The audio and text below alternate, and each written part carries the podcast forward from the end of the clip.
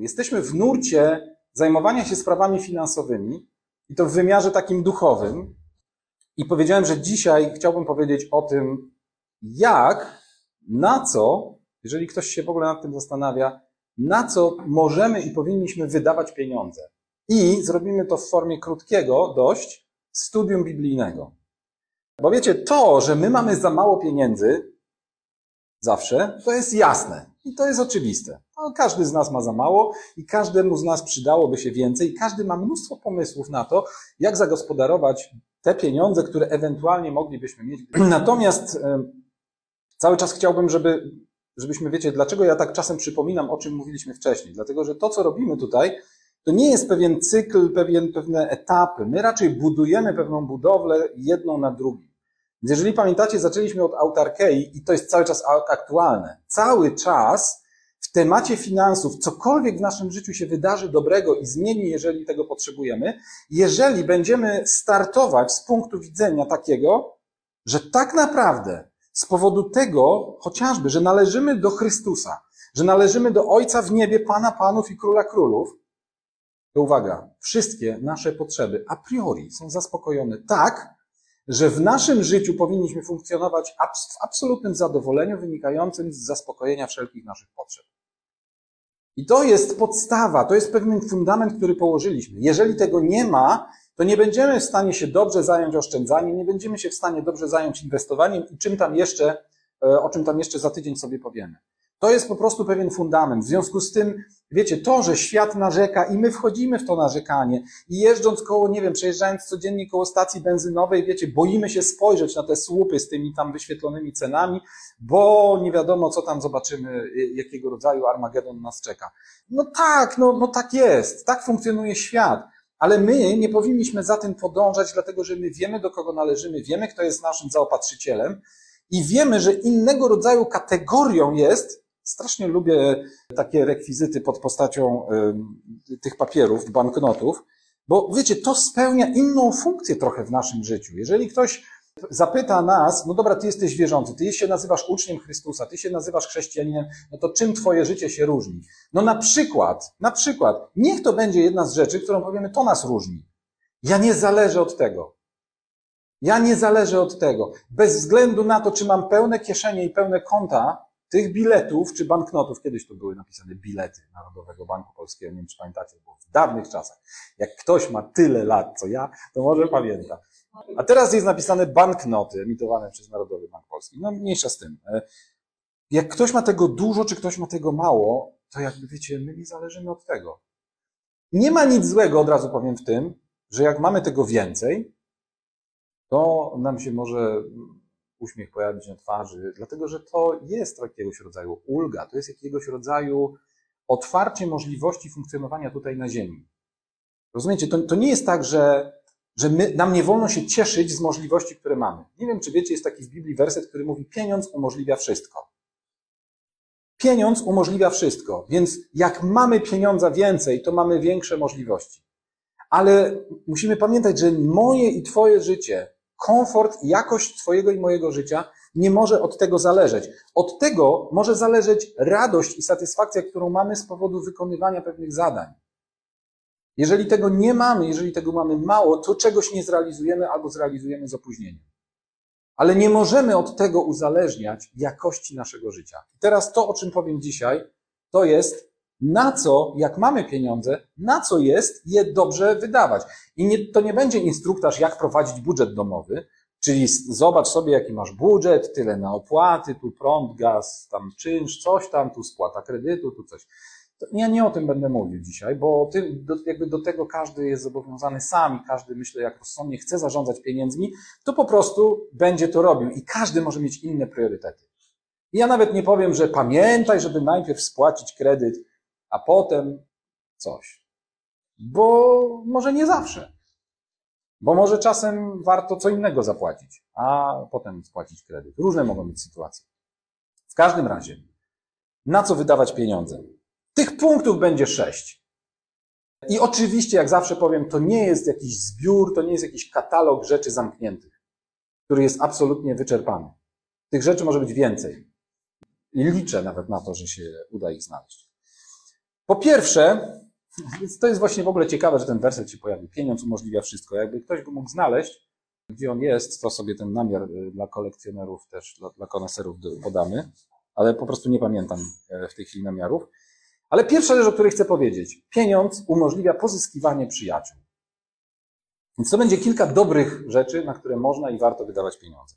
W Ewangelii Łukasza, sobie stąd y, przeczytam, w 16 rozdziale jest Kaznodziei 10-19. Cudownie. Pieniądz umożliwia wszystko. No to mamy Ewangelię Łukasza, 16 rozdział. I tam jest jedna z najdziwniejszych przypowieści i tej dziwności dzisiaj nie będę specjalnie próbował rozwikłać, bo ona jest oczywiście, nie jest to aż takie dziwne, jak się wydaje na pierwszy rzut oka. Ale Jezus mówi tutaj o takiej, o takiej sytuacji. Powiedział do swoich uczniów, pewien bogaty człowiek miał szafarza, którego oskarżono przed nim, że trwoni jego dobra. Zawołał go i powiedział, cóż to słyszę o tobie? Zdaj sprawę z twego zarządzania, bo już więcej nie będziesz mógł zarządzać. Wtedy szafarz powiedział sobie, co ja zrobię, skoro mój pan pozbawia mnie zarządu? Kopać nie mogę, żebrać się wstydzę. Wiem, co zrobię, żeby ludzie przyjęli mnie do swoich domów, gdy zostanę odsunięty od zarządzania. Przywołał więc do siebie każdego z dłużników swego pana i zapytał pierwszego, ile jesteś winien memu panu? A on odpowiedział, sto baryłek oliwy. I powiedział mu, weź szybko swój zapis, siadaj i napisz pięćdziesiąt. A potem zapytał drugiego, a ty ile jesteś winien? A on mu odpowiedział, sto korców pszenicy. I powiedział mu, weź swój zapis i, i napisz osiemdziesiąt. I pochwalił Pan niesprawiedliwego szafarza, że roztropnie postąpił, bo synowie tego świata w swoim pokoleniu są roztropniejsi od synów światłości. I ja wam mówię, zyskujcie sobie przyjaciół mamoną niesprawiedliwości, aby gdy ustaniecie, przyjęto was do wiecznych przybytków. Ten ostatni werset, tak jak powiedziałem, nie będę wchodził, można oczywiście go czytać, że on dotyczy po prostu przyjaciół tu i teraz. Można też go czytać, że on dotyczy przyjaciół, których będziemy mieć na przykład w tysiącletnim królestwie albo później w przyszłym życiu, bo to są ludzie, których pozyskaliśmy przy pomocy, wiecie, tych zasobów, które mamy w ręku, finansów, i oni są, można powiedzieć, naszymi przyjaciółmi na wieki, bo na przykład przeznaczyliśmy pieniądze na to, żeby, nie wiem, dotrzeć z Ewangelią do większej liczby ludzi. I teraz ci, do których dotarliśmy, oni się zdecydowali pójść za Chrystusem, stali się Jego uczniami, weszli, jakby wiecie, doznali tego odkupienia, zbawienia, którego my, i w związku z tym mamy przyjaciół na wieki, którzy to tak rozumują. Oczywiście można to, tak jak powiedziałem, rozumować na różny sposób, ale wymowa jest jedna. Zyskujcie sobie przyjaciół mamoną niesprawiedliwości. Więc wiecie, jak będziemy używać tego, co jest atrybutem w pewien sposób, duchowym atrybutem niesprawiedliwości, może się stać wtedy, kiedy, kiedy człowiek, tak jak e, Paweł pisał do Tymoteusza, korzeniem wszelkiego zła jest miłość pieniędzy. E, więc jeżeli ktoś miłuje pieniądze, no to popada w sidła. E, tam dalej Paweł pisze, niektórzy ulegając jej właśnie tej miłości, tam popadli w różne sidła. Ale to jest jeden, jeden z celów, jeden ze sposobów. Jeszcze w Księdze Przypowieści, tam to było kaznodziei, tak, a w Księdze Przypowieści, to jest tutaj, czyli w księdze zwanej Księgą Przysłów, w 18 rozdziale, 16 wersecie czytamy taki fajny fragment. Dar człowieka toruje mu drogę i prowadzi go przed wielkim. Więc jeżeli ktoś y, myślał, że w Biblii nie ma pochwały łapówkarstwa, to w pewien sposób jest, chociaż oczywiście jest dużo fragmentów, które potępiają łapówkarstwo. Więc ja, ja teraz się oczywiście śmieję, ponieważ z jednej strony Biblia jest właśnie pełna różnego rodzaju takich fragmentów. Z jednej strony mówi o tym, że łapówka jest obrzydliwością w oczach Pana, dlatego że za pieniądze próbujemy wykrzywiać, to jest wtedy, kiedy za pieniądze próbujemy wykrzywiać sprawiedliwość. To jest łapówka. Natomiast tutaj czytamy o darze.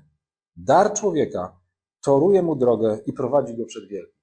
Dlatego, jeżeli się, wiecie, gdzieś do kogoś jedzie, jedzie przedstawiciel jakiegoś jednego państwa, do kogoś drugi, na, dwór innego państwa, jest naturalne, że jakby, wiecie, jeżeli nam zależy na dobrych i bliskich relacjach, nawet w dyplomacji, po prostu przychodzi się z czymś.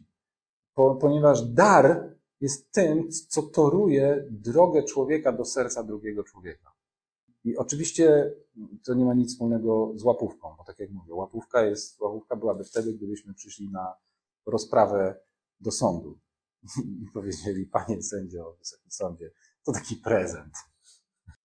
A wtedy strona przeciwna mówi, a my też mamy prezent. No i kto przyniósł większy? Tak, tak, tak. tak. Faryzeusze właśnie przyprowadzali fałszywych świadków, którzy zeznali, zeznawali fałszywie przeciwko Jezusowi. Na przykład. Tak?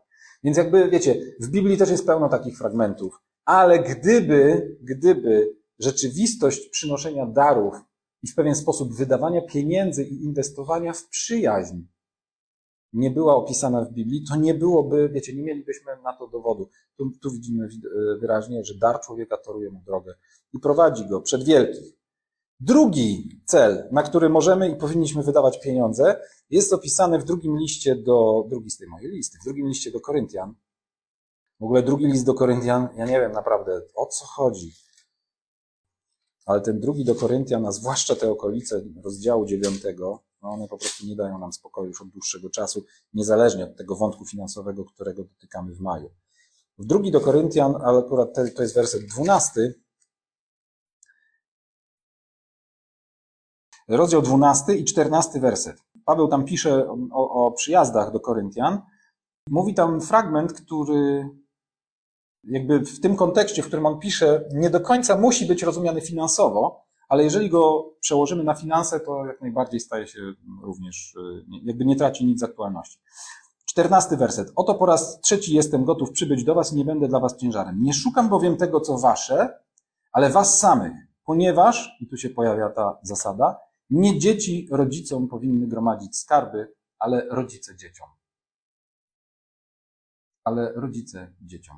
Więc jakby to jest oczywiście też można powiedzieć taki trochę werset o takiemu wykrzywionemu systemowi ubezpieczeń społecznych i systemowi ZUS-owskiemu, który zakłada, że dobrze wykształćmy dzieci, to te dzieci będą płacić wysokie podatki i te podatki zabezpieczą naszą emeryturę. No, chory system. Wiecie, no niektórzy próbowali ten system wyprostować i zróbmy tak, żeby to człowiek miał tą emeryturę z tego, co sam przez swoje życie odłoży. To, to jest oczywiście dużo znacznie uczciwsze, e, ale już mniejsza z tym, nie wchodźmy teraz w ubezpieczenia społeczne. Ważne jest zrozumienie tego, że to jest w ogóle, dotykamy tutaj bardzo ciekawej zasady biblijnej. Nie, nie wiem, czy zacznę może od tego. Nie wiem, czy zwróciliście uwagę, jak Biblia daje zalecenia, na przykład mężom i żonom, co mówi tak, mężowie, róbcie to, to i to, do żon, względem żon. Do żon mówi, żony, róbcie to, to i to, względem mężów. Ale nie daje nigdzie wskazówek, a ty mężu, rób względem żony to, to, to oraz egzekwuj to, co żona ma zrobić względem ciebie. Oraz ty, żono, dawaj mężowi to, to, to, ale potem przypilnuj, czy on dał ci to, co powinien ci dać. Wiecie, to jest trochę tak, że to jest napisane dla, do wszystkich. Wszyscy to mają dostępne. Ale wiele razy w Biblii się zdarza też taki fragment, ty bacz na to, co. I tam jest na coś tam. Widzisz to, widzisz tamto, ale ty bacz na to. I każdy z nas jest zobowiązany, żeby baczyć na to, co jego, a nie na to, co cudze. Więc jakby wiecie, naszym zadaniem i naszą odpowiedzialnością jest patrzeć na to, co jest naszym, moim zadaniem i nie rozliczać innych z wykonywania ich zadań. Bo jak Bóg daje nam zadania, tobie inne, tobie inne, tobie inne, mnie inne, to będzie rozliczał każdego z nas z tego, jak każdy z nas wypełnił swoje zadanie. Czy to, czy to ma sens? Tak? I wtedy będzie wszystko działo się dobrze, kiedy żona usłyszy, co ma robić względem męża, względem domu i tak dalej, i będzie to robić nie oglądając się na to, co robi jej mąż.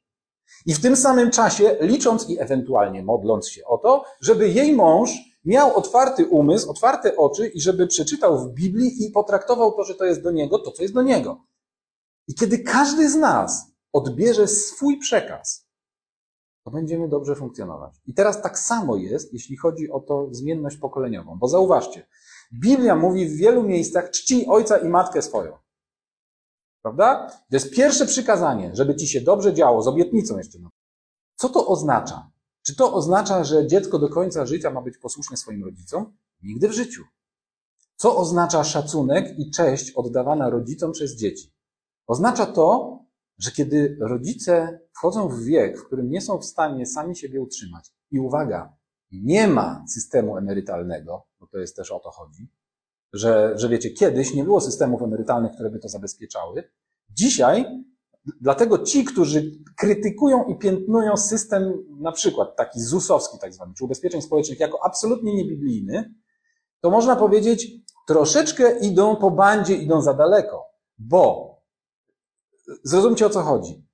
To, że dziecko jest winne cześć rodzicom, nie oznacza nic więcej ponad to, że powinno zabezpieczyć podstawowe potrzeby bytowe swoich rodziców, kiedy ci nie są w stanie już pracować.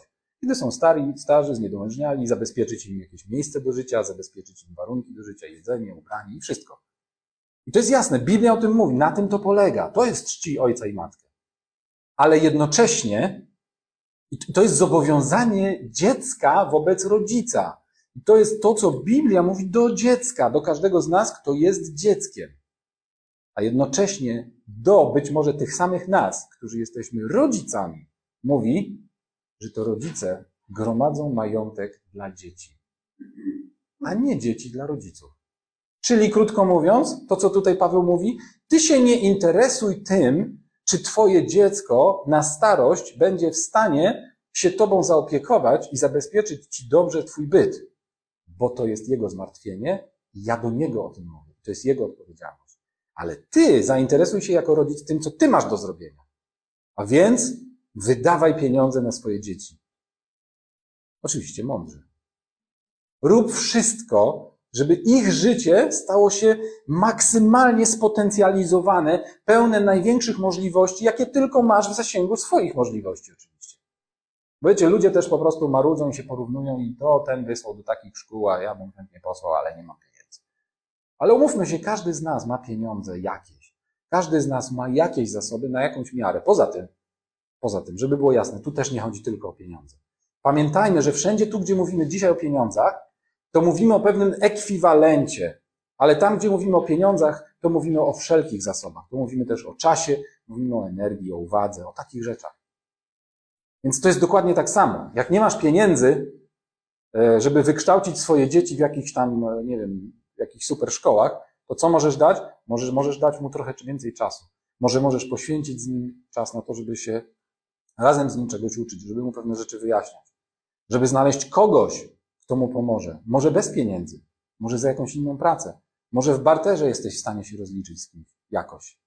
Kto pomoże twojemu dziecku, coś widzicie. Ja mówię o tej edukacji, bo to jest oczywiście najważniejsza rzecz i to jest rzecz, którą dzisiaj, e, wiecie, państwo dumnie mówi, że zabezpiecza obowiązek edukacyjny. No to to jest kpina. To jest jedna z większych kpin e, dzisiaj i, i żartów, który mówi, że państwo zabezpiecza edukację. Państwo zabezpiecza jakiś pozór, jakąś karykaturę edukacji dzisiaj. Nam oczywiście i naszym dzieciom jeszcze bardziej dzisiaj. E, dlatego tym bardziej rodzice powinni być zaangażowani w cały ten proces. I oczywiście niekoniecznie być od razu wywrotowcem i zabierać swoje dziecko ze szkoły, chociaż można dzisiaj homeschooling naprawdę jest bardzo dobrze rozwinięty i też paradoksalnie system tego nie zabrania, a wręcz wspiera. Ale tu, tu, nie chodzi o to, żeby być jakimś, jakimś buntownikiem i rebeliantem, bo ostatecznie chcemy, żeby dzieci też gdzieś tam poszły na jakieś studia, żeby, żeby się gdzieś tam do tego społeczeństwa zaadoptowały.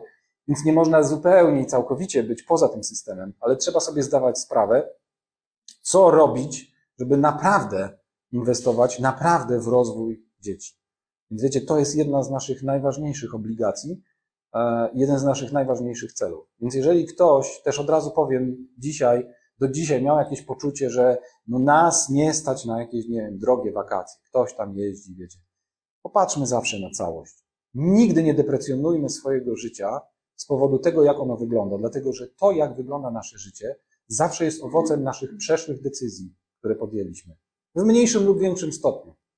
Więc jeżeli popatrzysz na to, że nie jeździsz na drogie wakacje, podczas gdy wszyscy twoi znajomi jeżdżą, to przyjrzyj się, bo może gro twoich pieniędzy właśnie jest lokowany jako inwestycja w Twoje dzieci, w ich edukację, w ich wyjazdy, w ich kolonie, w coś tam, w coś tam. Oczywiście w tym wszystkim trzeba zachować umiar i trzeba podejść do tego rozsądnie, tak?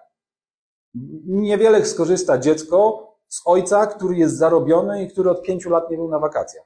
To, to jest jasne, tak? O, to jakby, ale wiecie, to nie temat znowu odpoczynku i zarządzania swoim, swoją energią, swoim czasem nie, nie jest dzisiaj tematem.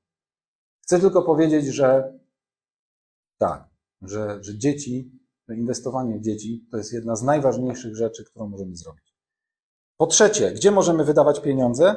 Ewangelia y, Marka mówi o tym, troszeczkę przyspieszymy, bo powiedziałem, że to będzie krótkie, a to.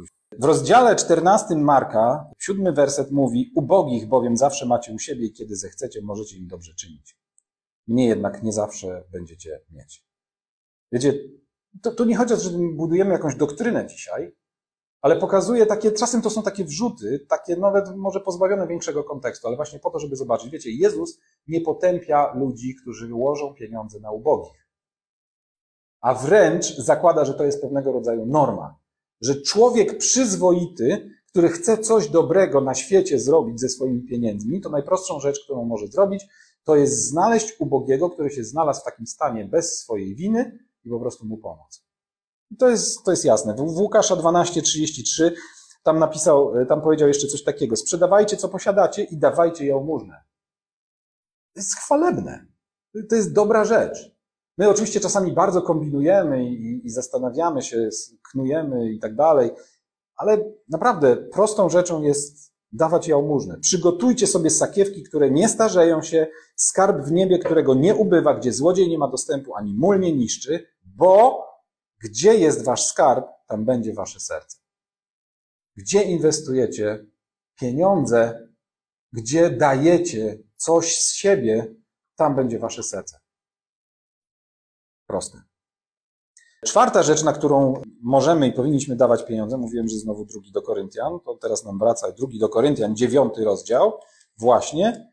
E, to jest, krótko mówiąc, coś, co jest nazwane, w tak cudzysłowie, dobra sprawa.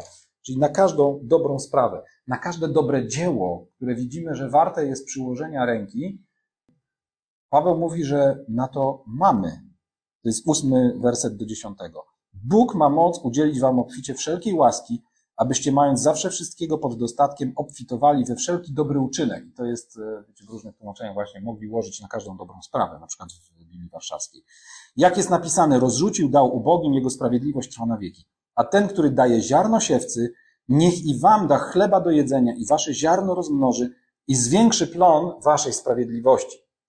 A ten, który daje ziarno siewcy, niech i wam da chleba do jedzenia. Bóg daje i chleb do jedzenia, czyli ziarno daje na chleb, żebyś zjadł, ty, i żebyś mógł zasiać w życie innych ludzi.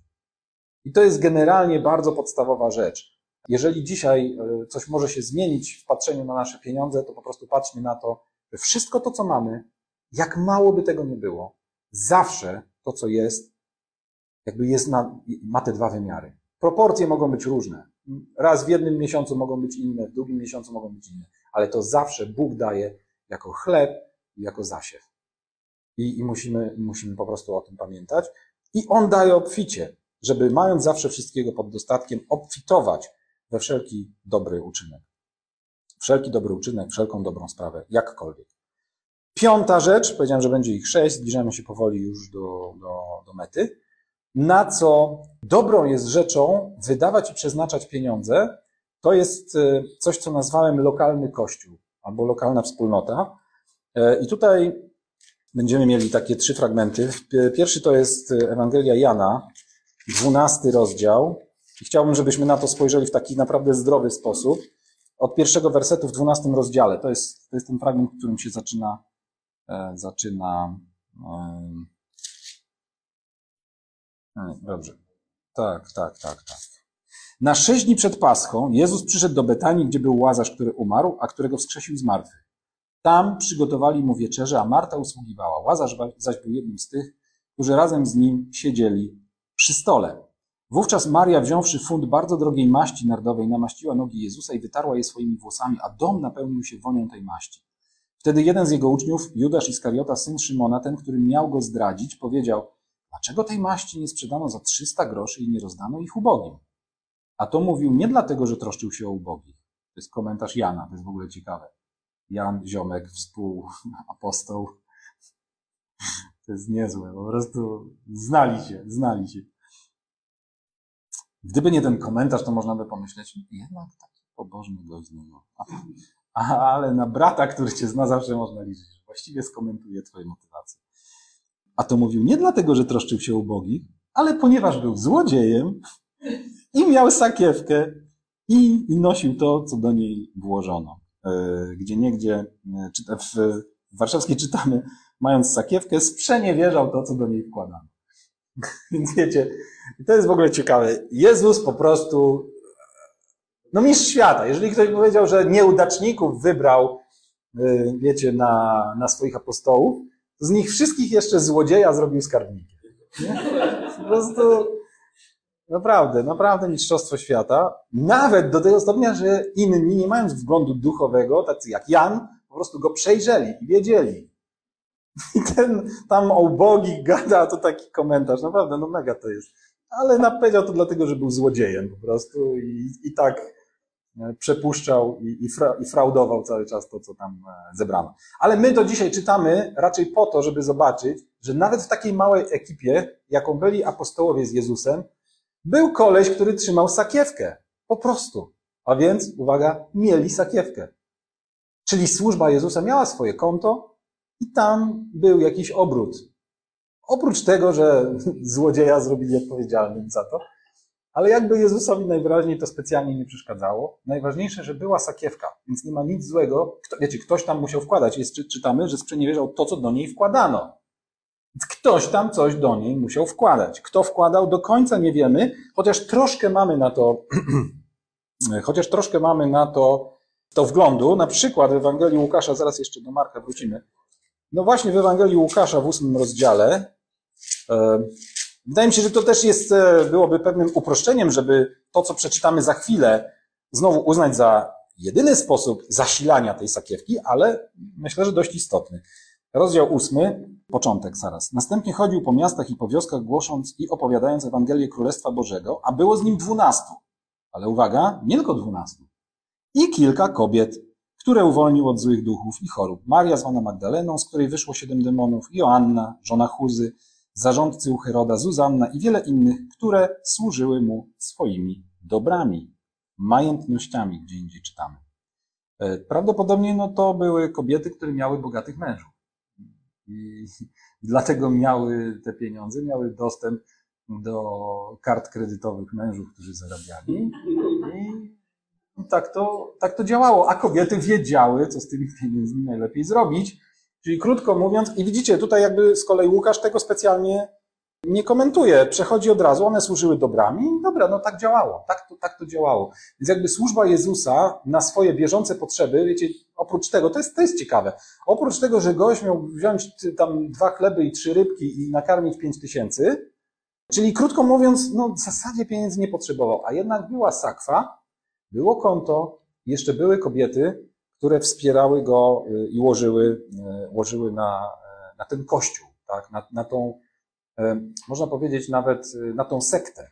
Wiecie, Paul Johnson w historii chrześcijaństwa, pierwszy rozdział, zatytułował, i dlatego ja w ogóle tak naprawdę zacząłem kiedyś czytać tę książkę, zatytułował Narodziny i powstanie sekty Jezusa. I jakby, jeśli chodzi o źródło słów słowa, sekta, właśnie, no to ta zamknięta grupa dwunastu to jest idealne, idealnie wyczerpuje definicję sekty. Więc to była, ona nie, nie miała od początku jakiejś takiej konotacji negatywnej, wiecie, sekta, z którą trzeba walczyć, bo zwodzi ludzi. Zresztą o Jezusie tak mówiono. To jest po prostu zwodziciel, kłamca, e, a ci, którzy zwodzą cały świat, przyszli aż tutaj. Bo, a jeszcze na dodatek tak, żarłok i pijak, przyjaciel celników i grzeszników. Um, tak, no więc taka, taką miał, tak, taką, taką, miał, taką miał reputację. Jeszcze jeden fragment. To nie będzie o lokalnym kościele nowotestamentowym, uwaga, ale w Ewangelii Marka w 12 rozdziale 41 czytamy, że usiadłszy naprzeciwko skarbnicy, Jezus przypatrywał się, jak lud wrzucał pieniądze do skarbnicy. I jak wielu bogaczy dużo wrzucało. Przyszła też jedna uboga wdowa i wrzuciła dwie drobne monety, to jest tyle co jeden grosz. Przywoławszy uczniów, rzekł im, zaprawdę powiadam wam, ta uboga wdowa wrzuciła więcej do skarbnicy niż wszyscy, którzy wrzucali. Bo wszyscy wrzucali z tego, co im zbywało, ale ta swego, ze swego ubóstwa wrzuciła wszystko, co miała, całe swoje utrzymanie. I jeszcze widzicie, to jest w kontekście pewnego rodzaju pochwały. Jezus nie pochwala, nie odnosi się w ogóle do tego, czy świątynia to jest siedziba szatana i czy to jest siedlisko wszelkiej zwodniczej religii, czy to jest właśnie, wiecie, ale do tego jakby nie nawiązywał. I też tą kobietę, zwróćcie uwagę, pochwalił nie za to, że włożyła wszystko do skarbnicy świątynnej. Tak? To, to nie o to tu chodzi. Ale przeciwstawił i pokazał uczniom, zrobił uczniom lekcję, jak patrzeć proporcjonalnie. Jak patrzeć w kontekście. Jak patrzeć szerzej niż tylko na ilość pieniędzy wrzucanych, bo jest wielu napisane, którzy wrzucali wiele do tej skarbnicy i do tego też się nie odnosi. Że a, mogli przeznaczyć na, na biednych. A tak przeznaczyli na próżniaków i żarłoków, kapłanów, którzy po prostu przejedzą. Taki był układ, tak było wszystko ustanowione i on się do tego w ogóle nie odnosi. Tym niemniej pokazany jest ten przykład na, y, jako, jako znowu, y, jako, wiecie, materią do tego przykładu, może tak, jest wrzucanie pieniędzy do świątynnej skarbnicy.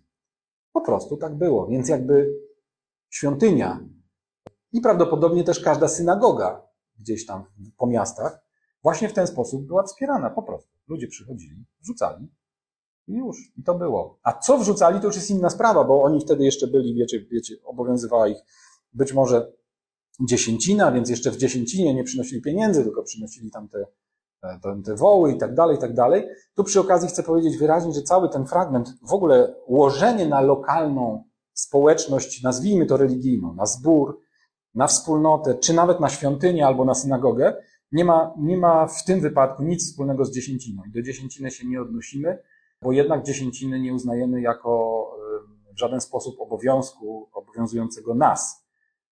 My jesteśmy wezwani do hojności, po prostu. I to jest, to jest nasza, to jest nasza obligacja i to jest to, z czego będziemy rozliczani, na ile byliśmy wierni temu, co w swoim sercu, tak jak Paweł pisał. Każdy tak, jak sobie postanowił w sercu. To, czy będziemy wierni temu, co postanowiliśmy w sercu, będzie jakby powodem do rozliczania nas z tego, ile kto łożył, ile kto dawał, a nie to, czy dokładnie odliczył 10%. Zresztą, jak się przyjrzymy przepisom dotyczącym dziesięciny, to pamiętajmy, że w dziesięcinie tak naprawdę nie chodziło o pieniądze. W dziesięcinie tej starotestamentowej e, chodziło przede wszystkim o dobra w naturze, to po pierwsze, i po drugie, nie chodziło też nigdy o 10%, tylko chodziło o każde, każdą dziesiątą sztukę czegoś. Tak? Czyli ktoś miał 10 e, baranów, to dziesiątego barana oddawał na świątynię. Ktoś miał 15 baranów, to nie oddał półtora barana, tylko nadał jednego. Dopiero jak miał 20, to oddał dwa. Tak? Więc to nigdy nie było 10%. Średnio, łatwo sobie policzyć, to było około 7,5-8%, jeśli już liczyć na procenty. Natomiast można było, jeżeli ktoś nie był w stanie, nie dopilnował, zaniedbał i tak dalej, można było to przeliczyć na ekwiwalent pieniężny, ale to wtedy już było 20%, nie 10%. Więc jakby Rozumiecie, to, to jakby nie ma zresztą większego znaczenia, bo to też, też te przepisy się w jakiś sposób zmieniały. Te oryginalne dotyczyły przede wszystkim co dziesiątego. I tu o to chodziło. A to, że dzisiaj, wiecie, kościoły, czy kościół y, zrobił z tego też dla siebie przykazanie, to jakby nam, nam nic do tego. Ja też nie mówię tego po to, żeby jakoś y, potępiać to i uważać za jakiś pomysł diabelski. To jest pewnego rodzaju uproszczenie funkcjonowania finansowego. Ja jednak bym chyba y, wolał, i tak to odczytuję, że, że, że jakby Duch Święty dzisiaj w kościele raczej wolałbym mieć po prostu ludzi o szczerych, otwartych i hojnych sercach, niż ludzi uwiązanych do jakiejś idei i nawet wykonujących tą ideę wiernie. Bo wiecie, to jak już o tym mówię, to też my mamy osobiście takie świadectwo, że myśmy mieli w pewnym sezonie życia okres, w którym powiedzieliśmy, ok, to my będziemy regularnie oddawać dziesięcinę, czyli te 10% odliczone. I powiem wam, że to było zbawienne dla nas na pewien czas, na pewien okres. I dzięki temu tak naprawdę to uporządkowało nie tylko ten wymiar taki finansowy naszego życia, ale też duchowy. Bo wiedzieliśmy, że to jest pewnego rodzaju obrzeska, to, jest, to było pewnego rodzaju nasze osobiste przymierze z Bogiem. I jakby ja nic do tego nie mam. Każdy z nas może osobiście takie przymierze z Bogiem zawrzeć i powiedzieć, ja będę dla Ciebie obrzezywał moje finanse każdego miesiąca. I to będzie 10%. Ktoś może powiedzieć 20%. Ktoś może powiedzieć 5%. Uwaga, halo, jesteśmy w Nowym Testamencie. Ktoś może powiedzieć 2%. Ktoś może powiedzieć 7%. I jeżeli z jakichś powodów czyni z tego element pewnego przymierza z Bogiem na jakiś czas, to super. To, to wiecie, to, to jakby nam nic do tego i ja jakby, to, to, to każdy z nas y, przed nim y, musi rozpoznać, musi to rozróżnić. I szósty obszar. Znowu wrócimy do dziewiątego rozdziału Ewangelii, dziewiątego rozdziału drugiego listu Pawła, Ewangelii Pawła do Koryntia. Tam jest jeszcze jeden wątek. Też na niego zwracaliśmy już uwagę wielokrotnie, no ale dobra, ponieważ to jest ten temat dzisiaj. Na samym początku Paweł pisze tak, lecz o posłudze na rzecz świętych nie ma potrzeby, abym wam pisał. Znam bowiem waszą gotowość, z powodu której wobec Macedończyków chlubię się wami, że Achaja jest gotowa od zeszłego roku i wasza gorliwość pobudziła wielu. Czytaliśmy wcześniej o wydawaniu pieniędzy i ułożeniu na lokalną swoją wspólnotę, tak? Bez względu na to, czy tam są jakieś potrzeby, czy nie. I chcę powiedzieć, że nie ma w tym nic złego z jednej strony, żeby były zbiórki, tak jak sobie robimy zbiórkę teraz na klimatyzację i bo wiecie, to jest coś, z czego wszyscy się będziemy cieszyć i my, i jeszcze inni, którzy tu przyjdą i tak dalej, ale też nie ma nic złego w tym, że mamy zbiórkę na funkcjonowanie miejsca, lokalu i nie ma też nic złego w tym, że ktoś po prostu wkłada, nie wiem, co miesiąc czy co tydzień, jakąś kwotę do, skarb, do skarbca, do sakwy, na konto tego miejsca, tej wspólnoty, którą uważa za swoją. I to jest jakby jeden wymiar, o tym mówiliśmy wcześniej. Natomiast tu Paweł pisze o innym wymiarze. Zobaczcie, on mówi do, pisze do Achajczyków, czyli do Koryntian, na temat Macedończyków, którzy byli gdzie indziej, a byli braćmi w wierze. I pisze o tym, o tych wzajemnych rozliczeniach i wzajemnej trosce. Wy macie dużo, chlubicie się, że macie dużo, to ja wam teraz piszę, jak macie dużo, jak mówicie, że macie dużo, to przygotujcie obfity dar dla tych braci, którzy są w Macedonii, oni mają mało. A pamiętacie też, jak e, Paweł zarządzał zbiórkę na ubogich świętych w Jerozolimie? Wiecie, to było bardzo ciekawe, to było jeden z obszarów e, pracy Pawła. Jak on sam pisał, to, co mu zajmuje głowę, to jest troska o wszystkie zbory. I, i, I wiecie, ten obszar pokazuje, że on się troszczył nie tylko o to, żeby tam wszyscy mieli właściwe poznanie, żeby mieli właściwą doktrynę, żeby wierzyli we właściwego Boga, żeby nie uznawali przesadnej roli człowieka, żeby nie mówili, że ja jestem Pawłowy, ja Apollosowy, a ja jakiś tam. Wiecie, to, to, to były rzeczy związane z wiarą, związane z, nie wiem, z religią. Jak pisał do Galacjan, mnóstwo było tych wątków. Różnych wątków, o których pisał i, i jakby co było przedmiotem jego troski. Ale tu widzimy, że jednym z obszarów i przedmiotów jego troski jest to, w innym miejscu napisał, że tu nie chodzi o to, żeby inni mieli luz, a wy obciążenie, ale żeby była równość, żeby była jedność, żeby wszyscy byli na pewnym podobnym poziomie zaspokojenia ich potrzeb. Dlatego jeżeli ty masz więcej i możesz zaspokoić potrzeby braci, którzy są nawet daleko, nie innego gdzieś tam zboru w Lublinie, czy nawet w Polsce, ale jeżeli wiemy o jakichś braciach, którzy są gdzieś daleko, mają potrzeby, a my możemy te potrzeby zaspokoić, to jest naszą powinnością i powinno być naszą radością, żeby, żeby nasze pieniądze uruchamiać na takie wsparcie. Potem w dwunastym rozdziale mówi, to jest właśnie to, co on tam rozwija. Przed chwilą czytaliśmy, że ma Bóg ma moc udzielić obficie wszelkiej łaski. To właśnie to jest to. Ale w dwunastym podsumowuje. Posługiwanie bowiem w tej służbie Czyli w służbie finansów, gromadzenia i przekazywania finansów. Paweł mówi, to nie jest, to, nie mówi nawet o jałmużnie, zauważcie. On tego nie traktuje po prostu, że no weź się zlituj i nad, nad bratem, który głoduje. Nie, on tu mówi, wiecie, to jest poważna rzecz. Posługiwanie bowiem w tej służbie nie tylko zaspokaja niedostatki świętych, ale też obfituje w liczne dziękczynienia składane Bogu. Nie tylko zaspokaja braki u świętych, ale obfituje, czyli powoduje że ku Bogu wznosi się dziękczynienie. Więc jeżeli możesz swoimi finansami przyczynić się do tego, że ktoś gdzieś indziej wzniesie ku Bogu swoje dziękczynienie, rób. To rób to. I to jest w ogóle ciekawe, posługiwanie bowiem w tej służbie. Czyli widocznie, ja, ja nie, nie, nie wiecie, nie chcę powiedzieć, że tam jakaś wielka służba była, nie wiem, finansowa, ale nawet jeżeli to tylko oznaczało w tej służbie, w sensie na takim poziomie indywidualnym, to pamiętajmy o tym, że wkładając gdzieś pieniądze, posyłając gdzieś pieniądze, wpłacając na jakieś, jakąś inicjatywę, pamiętajmy o tym wersecie, tym dwunastym wersecie dziewiątego rozdziału drugiego listu do Koryntian. Posługujesz w jakiejś służbie. To nie jest po prostu tylko gest współczucia i litości, ale to jest zaangażowanie się w pewną służbę, której Bóg nie przeoczy którą Bóg będzie widział. To jest ostatnia rzecz, o której chciałem powiedzieć, która jest e, wskazana w, w Biblii, w Nowym Przymierzu głównie, jako obszar wart rozważenia po to, żeby tam kierować swoje finanse.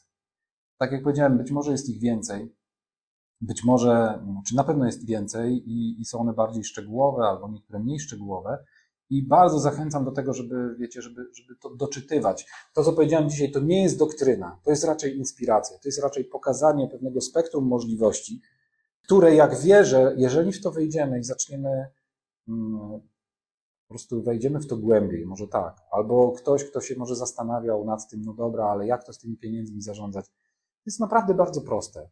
To jest naprawdę bardzo proste. Tu, tu nie ma, wiecie, Pamiętajmy o tym, że my żyjemy w kraju, w którym pewnego rodzaju duch takiego ubóstwa, religii, takiej, właśnie takiej, no jak to powiedzieć, takiej biedy, religia biedy, bardzo odcisnęła silne piętno na nas, na naszym pokoleniu i jeszcze odciska na naszych dzieciach. Może dopiero za kolejne pokolenie albo dwa, jak Bóg pozwoli, to jakby z, tego, z tej mentalności wyjdziemy. Ale w tej mentalności ubóstwa, żyjąc, my naprawdę zdajemy sobie sprawę, że cały czas jesteśmy jakimś uboższym bratem. Wiecie, ile w Polsce, e, myślę, że jeśli chodzi o Kościół, to też musi się to wydarzyć wtedy, kiedy e, na przykład, no nie wiem, przejmą całkowicie odpowiedzialność za swoje własne funkcjonowanie wszystkie kościoły. Wiecie, że w, okresie, kiedy myśmy się nawracali, e, to taka dygresja, i też nie jest to skierowane absolutnie przeciwko komuś, po prostu takie były czasy.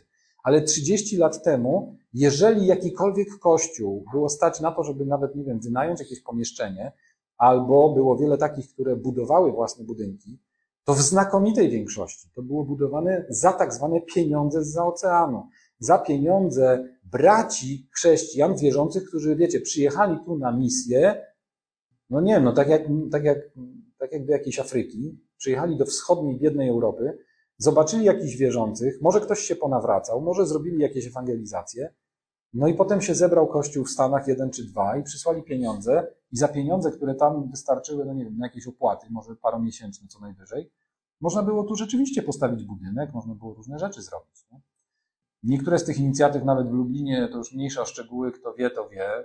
Niektóre z tych inicjatyw naprawdę doszły do skutku i do dzisiaj jakoś tam wyglądają, a niektóre w ogóle nawet nie doszły do skutku i wiecie, przez całe dziesięciolecia straszyły, że tak powiem, fundamenty wylane starczącymi stalowymi drutami, e, aż w końcu Kościół, no jakby już nie mając własnych środków, żeby to kontynuować, po prostu wziął i sprzedał. E, I, i ktoś tam zbudował jakieś, jakieś zakłady, czy tam jakieś punkty usługowe, czy cokolwiek.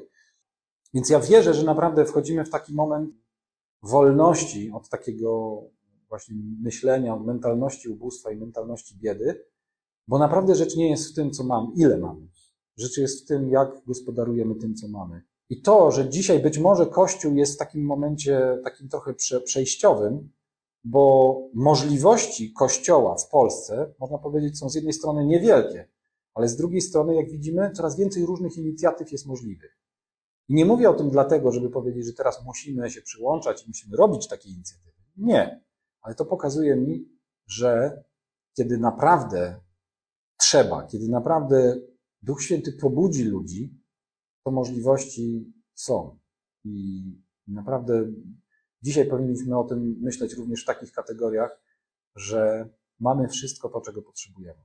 Wracając do autarkei, możemy powiedzieć, naprawdę mamy wszystko, czego potrzebujemy do życia. A jeżeli Bogu się będzie spodobało, będzie się podobało, żeby nas powołać i obdarzyć powołaniem albo obdarzyć odpowiedzialnością za zrobienie czegoś, za zbudowanie czegoś, e, to nas w to wyposaży. I nie musimy się oglądać na, na pieniądze e, z nieba, z Ameryki bezpośrednio. No może, może właśnie przyniesie rybka i otworzy pyszczek i powie, tu jest wasz starter albo w jakikolwiek inny sposób. Ale dzisiaj to, co, co jest naszą odpowiedzialnością, to jest mądre i dobre gospodarowanie tym, co mamy.